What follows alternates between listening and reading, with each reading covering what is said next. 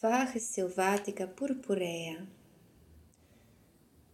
Rode beuken, hier groeien ze op een poortje. Typisch aan deze plant is dat het dorre herfstblad lang vast blijft zitten en pas afvalt in de lente.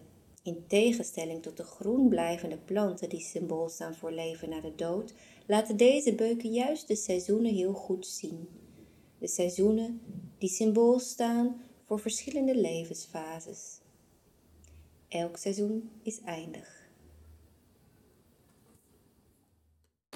Van vroeger uit had je natuurlijk altijd wel dit soort hagen op begraafplaatsen staan. Uh, neem, neem kerkbegraafplaatsen. Bijna altijd heb je daar die uh, uh, beukenhagen omheen staan.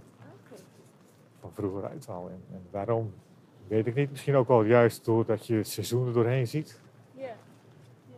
Het blad verliezen. Want het blad valt er pas af in het voorjaar. Eerlijk gezegd vond ik die dorre beukenhagen eerst maar niets, een beetje triest. Maar tijdens het maken van deze audiotour stond ik een tijd lang bij dit poortje. Het was april en de dorre bladeren zaten nog deels aan de takken. De wind deed ze ritselen, levendig eigenlijk. Ik probeerde audio-opnames ervan te maken. De zon deed die bruine kleur warm oplichten. Ik ben deze plant veel meer gaan waarderen. Stadsdichter van Alphen aan de Rijn, Lars Verwerde, draagt een door hem speciaal geschreven gedicht voor, speciaal voor deze audiotour.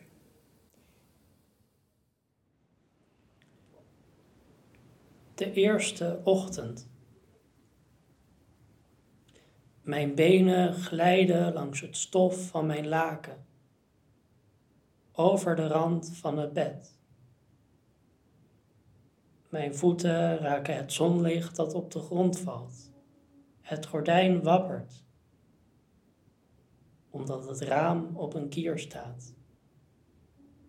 Over de vensterbank neuriet de vijgenboom met zijn bladeren het ritsolied. De vruchten van verdriet. Het laatste van ons huis dat je hebt begroet. Op de eettafel een lege beker. Het bord dat nu voorgoed in de servieskast blijft staan. Zonder jou heeft alles een andere betekenis. Kruipt de laatste haar weg tussen de naden van het dekbed.